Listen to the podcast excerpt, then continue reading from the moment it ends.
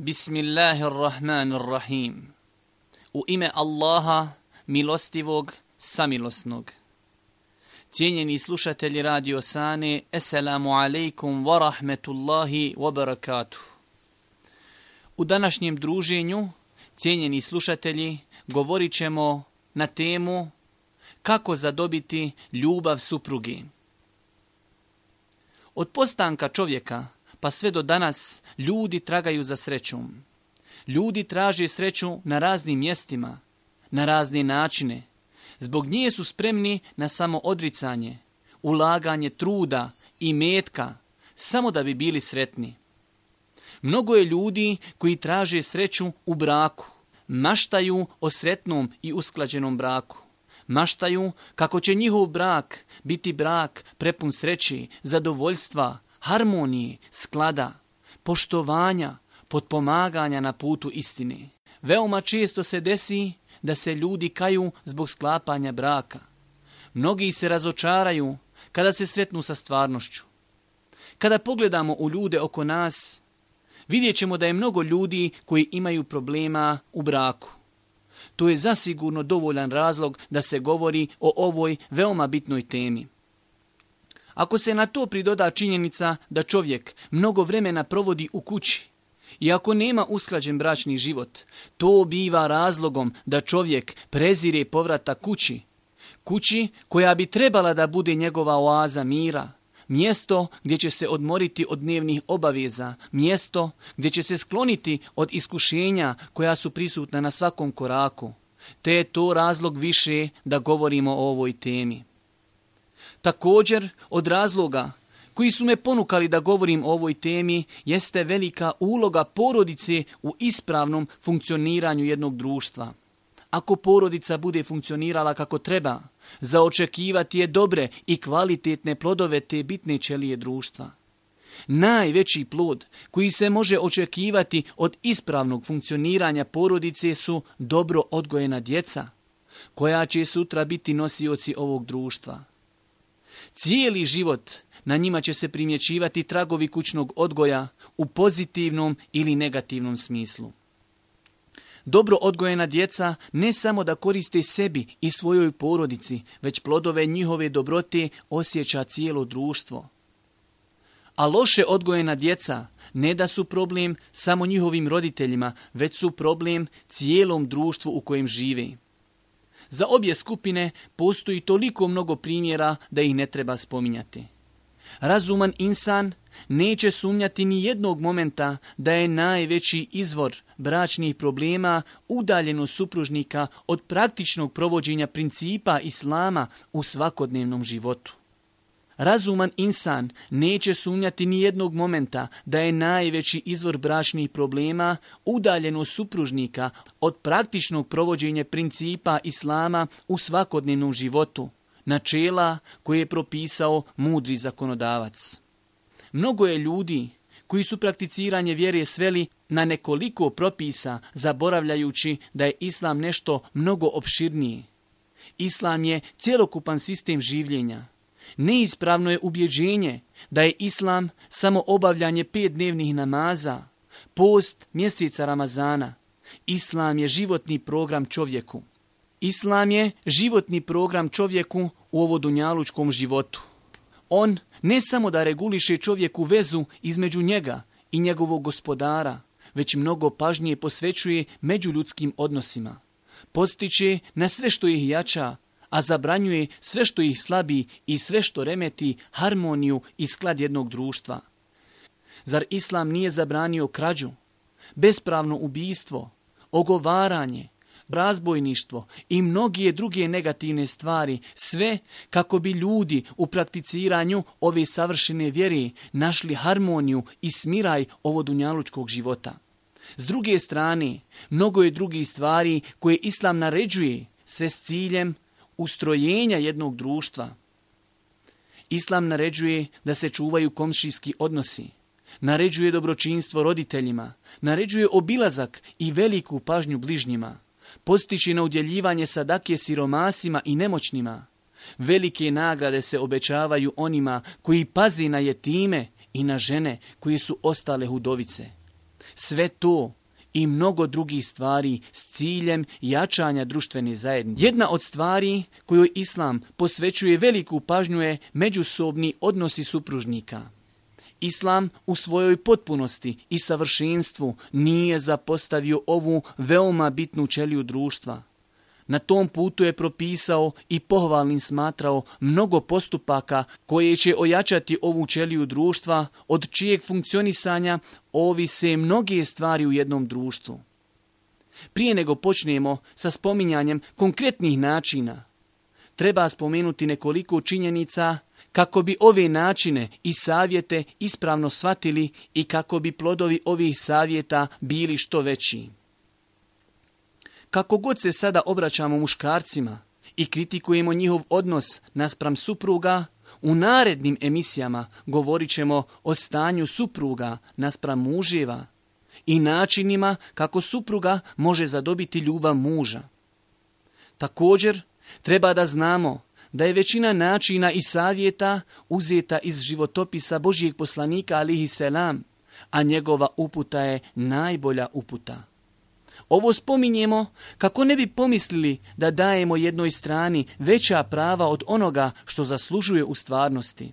I na kraju, savjeti koje spomenemo su mrtvo slovo na papiru, stvari koje u velikom broju slučajeva poznajemo, neće biti plodonosni osim ako ih jedan po jedan ne pokušamo sprovesti u svakodnevnom životu. Nakon toga možemo očekivati bračnu sreću, harmoniju, poštovanje, uzajamnu ljubav i povjerenje o koje mašta svaki bračni par. Prvi način postizanja ljubavi supruge. Dozivanje supruge najljepšim imenom. Razuman čovjek dobro zna kako na insana djeluje u pozitivnom smislu kada ga neko doziva najljepšim imenom.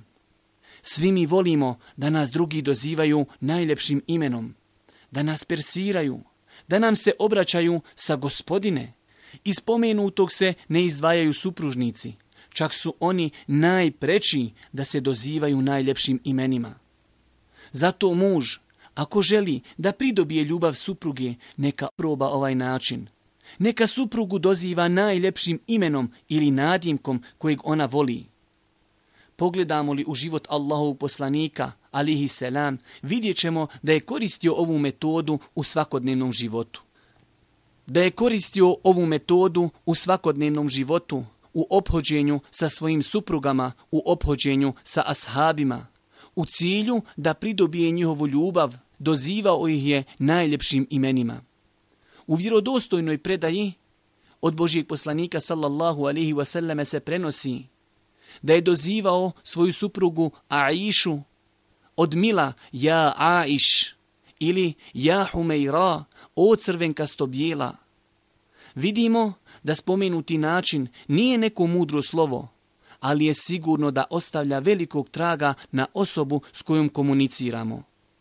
Mi kao da znamo koliki trag na čovjeka ostavlja kojim imenom ga dozivamo, pa to i koristimo samo je problematično što to činimo u negativnom smislu. Pa dozivamo naše supruge pogrdnim imenima i nadimcima koje one ne voli.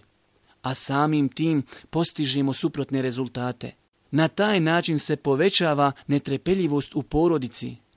Supruga nerijetko zbog toga odbija poslušnost mužu, a sve to vodi porodicu u pravcu s kojim na kraju niko neće biti zadovoljan drugi način pridobivanja ljubavi supruge, ljubaznošću i međusobnom šalom. Koliko je ljudi koji ne znaju šta je ljubaznost ili šala u svakodnevnom obhođenju sa suprugom. Muškarci misli da su obavezni samo da obezbijede materijalne potrebštine porodici, stvari neophodne za egzistenciju, zaboravljajući pri tome na duhovnu stranu bračnog života stranu koja je možda i bitnija u održavanju ispravnog kursa kretanja bračnog broda. Pogledamo li u život Božijeg poslanika, alihi selam, koji se u mnogo čemu razlikuje od našeg, vidjet ćemo da je ljubaznosti i međusobnoj šali pridavao veliku pažnju. On, koji je bio prijesjednik državi, glavni vojskovođa, glavni kadija, otac, suprug nalazio bi vremena da se našali sa svojom porodicom. Prenosi se od aiše radijallahu ta'ala anha da su jedne prilike bili sa poslanikom sallallahu alihi wasallame na putovanju, pa su se utrkivali poslanik, onaj koga je Allah poslao kao milo svjetovima, i Aisha radijallahu ta'ala anha, pa je Aisha pobjedila poslanika u toj utrci. Kada se Aisha udebljala, kako ona kaže, pozvao je poslanik da se opet utrkuju. Pa je poslanik alihi selam pobjedio Aišu. Zatim joj se obratio riječima, ovo ti je za onu tvoju pobjedu. Gdje smo mi od ovakvog ponašanja prema našim suprugama? Koliko je nas našlo vremena da se našalimo na ovaj ili na neki sličan način sa svojom suprugom, želeći time pridobijanje njene ljubavi i pažnje? Treći način pridobijanja ljubavi supruge, korištenje metode, poklon iznenađenja. Opće poznato je da poklon ili hedija ostavlja velikog traga na učvršćivanje veza među ljudima, a naročito ako se radi o poklonu koji dolazi od supružnika. Poklanjanje poklona supruzi nije uvjetovano velikom vrijednošću jer svrha poklona je da se pokaži supruzi da nije zaboravljena od strane muža, da on misli na nju, da se trudi da ispuni njene želje i da dokaži na taj način svoju pažnju prema njoj. Ako bi čovjek kupio supruzi nešto što ona voli, bez da to ona prethodno traži, taj čin neminovno vodi ka pridobivanju ljubavi supruge vodi ka tome da supruga svati da njen muž misli na nju, da razmišlja o njenim željama, što će onda i nju potaknuti da na to uzvrati pokornošću, poštovanjem, a sve to vodi ka povećanju ljubavi među supružnicima. A to i jeste ostvarivanje željenog cilja. Allahu poslanik, onaj koji je poslan od Allaha kao milost svjetovima, znajući kolikog traga ostavlja na ljude međusobno udjeljivanje poklona, kazao je međusobno razmjenjujte poklone kako biste se zavoljeli. Četvrti način pridobijanja ljubavi supruge da čovjek bude spreman, da prizna svoju grešku i da ne smatra da je on uvijek u pravu. Naša plemenita vjera uči nas da budemo pravedni u svim situacijama zabranjuje nam nepravdu bez razlike kom je se ona činila. Ako nas vjera postiče da budemo nepravedni prema nevjernicima, da budemo pravedni prema suprugama, životnim drugovima, mnogo je preči. Rekao je uzvišeni Allah, neka vas mržnja koju prema nekim ljudima nosite nikako ne navede da nepravedni budete. Pravedni budite, to je bliže čestitosti i bojite se Allaha, jer Allah dobro zna ono što činite. Čovjek musliman, sljedbenik Allahovog miljenika, treba da bude spreman da ukoliko se desi neki problem u porodici kojeg je on uzrokovao, da pogleda istini u oči i da prizna svoju krivicu, da se potrudi da ne ponavlja ono što uzrokuje bračne nesuglasice da bude spreman tražiti halala od supruge, kao što bi bio spreman da ga traži od bilo koje druge osobe koju je nepravdu učinio. Sigurno nije lako da čovjek toliko savlada, pobjedi samoga sebe i da zatraži halal od svoje supruge ako je bio nepravedan prema njoj. Ali, ako je insan bio toliko hrabar da uvrijedi suprugu, onu koja mu je najbliža, u svakodnevnom životu, onda treba da savlada svoju muškost, gordost, protjeve duši i da zatraži halala od supruge. Musliman ne bi trebao da to ostavi smatrajući to poniženjem, već treba da zna da to radi poštujući principe i načela ove uzvišene vjere da to radi tražeći zadovoljstvo onoga koji kada je zadovoljan svojim robom učini da i drugi budu zadovoljni njime. Cijenjeni brate, to će povećati tvoj ugled kod tvoje supruge. Neće ga smanjiti kako to mnogi misli, a ujedno će biti postrek i njoj da sutra, kada pogriješi, bude spremna da postupi na isti način, jer ima živi primjer u svome voljenom mužu. To će povećati njenu ljubav prema tebi jer ljudi su stvoreni takvi da vole one koji su pravedni pa makar pravedno postupanje ne bilo njima u korist. Problem je kod velikog broja muškaraca koji misle da su oni uvijek u pravu, a žena kao robinja ona je uvijek u krivu. Je li to ona pravednost koju nas uči ova plemenita vjera? Peti način pridobijanja ljubavi supruge spremnost muža da prihvati određene nedostatke i mahane kod supruge. Čovjek kroz dugi život sa suprugom i mnoge probleme kroz koje prolazi upozna dosta toga o supruzi. Neminovno je da otkrije kod supruge neke mahane i slabosti. U isto vrijeme ne smije da zaboravi da ta ista supruga, koja ima neke mahane i slabosti, ima mnogo više dobrih i plemenitih osobina zbog kojih zaslužuje da se zažmiri pred nekoliko mahana i nedostataka koje svaki insan ima pri sebi. Čovjek treba da bude realan i da ne odbaci i marginira svoju suprugu zbog nekoliko loših osobina već treba da bude pravedan i svoju suprugu gleda kroz prizmu njenih dobrih i loših osobina. Pa će vidjeti da je dobrih osobina mnogo više od nedostataka i mahana. Čovjek dosta puta potpadne pod uticaj šetana i zbog neke dosta puta bezvrijedne sitnici koja mu u datom momentu nije po volji, zaboravi sve dobre osobine njegove supruge, zaboravi na sav hajr koji je prisutan pri njoj. A znamo da svi mi griješimo i imamo pri sebi mnogo lošeg, o čemu ne volimo govoriti, kako od drugih da tražimo savršenstvo, a sami nismo savršeni. Kaže uzvišeni Allah, s njima, to jest sa ženama, lijepo živite, ako prema njima odvratnost osjetite, moguće je da je baš u onome prema čemu odvratnost osjećate Allah veliko dobro dao. Ako bi čovjek htio da provjeri ispravnost ovog načina, neka uzme papir i olovku i napiše sve dobre i loše osobine svoga supružnika, svoje supruge, u većini slučajeva kolona u kojoj bude pisao dobri osobine bit će mnogo duža i veća od koloni u kojoj je pisao loše osobine.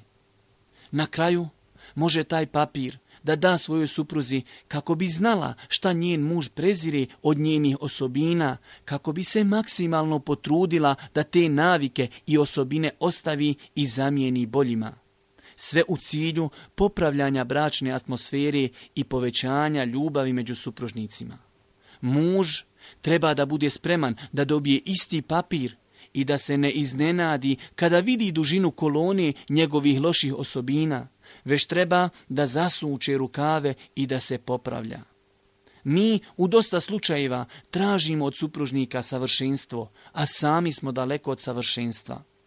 Zato čovjek treba da prihvati svoju suprugu sa nedostacima i mahanama koji su pri njoj i da pokuša na mudar i blag način odgajati svoju suprugu da ostavi te mahane i nedostatke. Šesti način pridobijanja ljubavi supruge pomaganje u kućnim poslovima.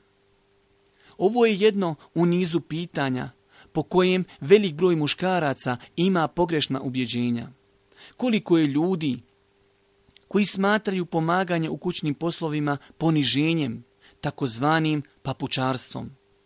Opet se vraćamo na naše nepotpuno razumijevanje vjeri. Mislimo da se prakticiranje načela islama svodi na nekoliko ibadeta koji se manifestuju i primjećuju na vanjštini insana pogledamo li u život Allahog poslanika, alihi selam, naći ćemo da je u tom segmentu života dostigao dunjalučko savršenstvo, kao što je to dostigao i u svim drugim plemenitim osobinama. Iako je imao mnogo više obaveza od bilo koga od nas, nalazio bi vremena da pomogne svojim suprugama u kućnim poslovima. Prenosi se od Aiše radijallahu ta'ala anha da je kazala Boži poslanik, usluživao bi svoju porodicu, pa kada bi nastupilo namasko vrijeme, izlazio bi iz kuće na namaz. Također, kada su upitali Aishu radijallahu ta'ala anha o poslaniku, kazala je, bio je obični insan, muzao bi ovce, sam sebe bi usluživao. Ovo ni u slučaju ne znači da čovjek treba da neprestano radi sve kućne poslove, jer to je ženina obaveza. Ali, ako bi ponekad pritekao i pomogao naročito, ako postoji potreba za tim, to bi sigurno povećalo ljubav njegove supruge prema njemu. Sedmi način pridobijanja ljubavi supruge, da suprug pohvali suprugu pred drugima, naročito pred njenim roditeljima ili njenom rodbinom i bližnjim. Nešto nepoželjno što može da učini muž da grdi i kritikuje suprugu pred drugima. Gori od toga je da je kritikuje pred njenim roditeljima ili rodbinom. A gori od svega spomenutog je da je kritikuje pred njegovom rodbinom. Takav način obraćanja supruzi zasigurno vodi ka buđenju netrepeljivosti među supružnicima. Čovjek ako želi da savjetuje bilo koju osobu, pa i suprugu, treba da se pridržava islamskih načela pri savjetovanju. Jedno od tih načela je da se kritika ili savjet upućuju na samo. Takav način savjetovanja zasigurno je mnogo plodonosniji od javnog upućivanja kritike i mnogo je veća mogućnost da savjetovana osoba prihvati savjet koji mu je upućen na samo i tajnom. Takav način savjetovanja ukazuje na iskrenu savjetnika, na to da on ne želi savjetom da nas osramoti pred drugima, već želi da popravimo ono što on smatra da ne dolikuje našoj ličnosti. Čovjek ne samo da ne treba da kritikuje svoju suprugu u prisustvu drugih, već suprotno tome treba da je pohvali pred drugima za dobre osobine koje ima pri sebi. Takav vid obhođenja će učiniti suprugu da se trudi i da pokuša da popravi eventualne greške na koje joj ukaže njen muž. Ovakav način obhođenja sa suprugom neminovno vodi ka povećanju ljubavi među supružnicima i pomaže u održavanju ispravnog kursa kretanja bračnog broda. Osmi način pridobijanja ljubavi supruge – da muž pazi i poštuje rodbinu supruge, a naročito njenog oca i majku. Mi živimo u vremenu u kojem ljudi žive po nekom nepisanom pravilu, koje je daleko od načela i principa islama, da je najveći neprijatelj oženjenom čovjeku punac i punica. Čovjek, kada ne bi imao drugog razloga, da se prema roditeljima svoje supruge lijepo odnosi, osim što su oni bili razlogom postojanja njegove supruge i što su oni dali svoju saglasnost da se uda za njega, to bi bilo dovoljno da se na najljepši način obhodi prema njima. Ako na sve to pridodamo da su muslimani i da imaju pravo kod zeta, kao što ih imaju i ostali muslimani, onda tek vidimo koliko smo zakazali u ovom segmentu života. Zar sve spomenuto nije dovoljno kao razlog da čovjek u najmanju ruku bude zahvalan roditeljima svoje supruge? Gdje smo od riječi Allahovog poslanika alihi selam gdje kaže ko je nezahvalan ljudima, nezahvalan je Allahu. Čovjek Čovjekov lijep odnos prema roditeljima njegove supruge ima veliku ulogu u jačanju bračnih veza među supružnicima. Kako očekivati od supruge da voli i poštuje svoga muža ako on na svakom koraku psuje i vrijeđa njene roditelje, one koji su na vrhu ljestvice osoba koje ona voli, one koji su je podigli, odgojili, one čija krv teše njenim venama. Pogledamo li s druge strane, vidjet ćemo da čovjek, ako pazi i poštuje roditelje svoje supruge, to neminovno vodi ka jačanju bračnih veza, uzajamnom poštovanju, potpomaganju, bračnoj harmoniji, neizmjernoj ljubavi supruge. Islam je vjera koja poziva u lijepo opođenje prema svima s kojima dolazimo u kontakt, a kako treba, da se lijepo ophodimo sa roditeljima naše supruge jer uživaju tolika prava kod nas. U lijepom ponašanju prema roditeljima supruge je pravednost koja je u svakom pogledu pohvalna. Muž nerijetko insistira od supruge da bude pažljiva u obhođenju prema njegovoj rodbini, a naročito prema roditeljima. Zaista je teško očekivati od supruge da pazi i poštuje njegove roditelje ako on nije svojim primjerom pokazao da to zaslužuje. Deseti način pridobijanja ljubavi supruge međusobno potpomaganje u činjenju dobrih dijela.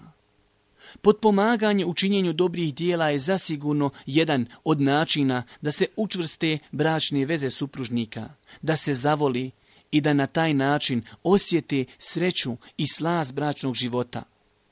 Mnogo je dobrih dijela u čijem činjenju se mogu potpomagati supružnici.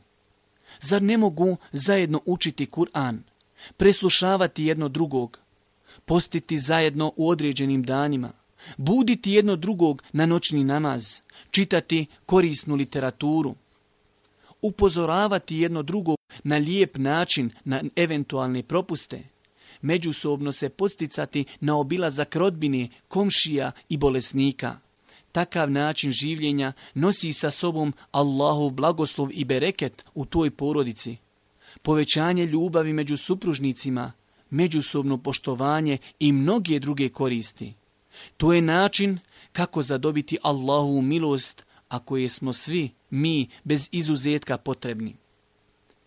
Jedanaesti način pridobijanja ljubavi supruge, da muž pazi na suprugino zdravlje i da ne bude nemaran prema njenim zahtjevima za odlazak doktorici. Žene su po prirodi mnogo slabije od muškaraca. To je činjenica koju razuman i mudar muž ne bi trebao da zaboravi trebao bi da se suosjeća sa svojom suprugom u njenim slabostima i da udovolji njenim zahtjevima kada iskaže potrebu za liječničkim pregledom. Naročito ako je u pitanju bolest koja je nastala kao posljedica trudnoći, jer su žene u tim momentima mnogo osjetljive i očekuju od supružnika veliku pažnju. Njeno zdravlje trpi kako bi na svijet donijela plod bračnog života, ono o čemu sanjaju i maštaju mladinci, dijete koji će biti odmor njihovih očiju. Muž, ako bi postupio suprotno, bio nemaran prema supruzinim zahtjevima za odlazak doktorici, mogao bi na taj način da izazove neželjene posljedice supruga bi u toj situaciji veoma lahko mogla da pomisli da ona ne vrijedi kod njenog muža, da on ne cijeni njen trud koji svakodnevno ulaži kako bi udovoljila muževim potrebama. Nerijetko može da pomisli kako njen muž želi da je se riješi u što kraćem roku kako bi se nakon nje ponovo ženio. Takvo razmišljanje će sigurno biti razlog povećanja tenzija i netrepeljivosti u bračnoj zajednici koje ne priželjkuje ni jedan bračni par. Muž, ako bi ispunio suprugin zatjev za odlazak kod doktorici, na taj način bi pokazao svoju brigu za njom i njenim zdravljem. Pokazao bi da cijeni njen trud koji ulaži u ispunjavanju njegovih potreba, a to sve bi povećalo njenu ljubav prema njemu. Cijenjeni slušatelji Radio Sani, to je bilo sve što smo vam pripremili u današnjoj emisiji. Do našeg narednog slušanja za 15 dana. Esselamu alaikum wa rahmetullahi wa barakatuh.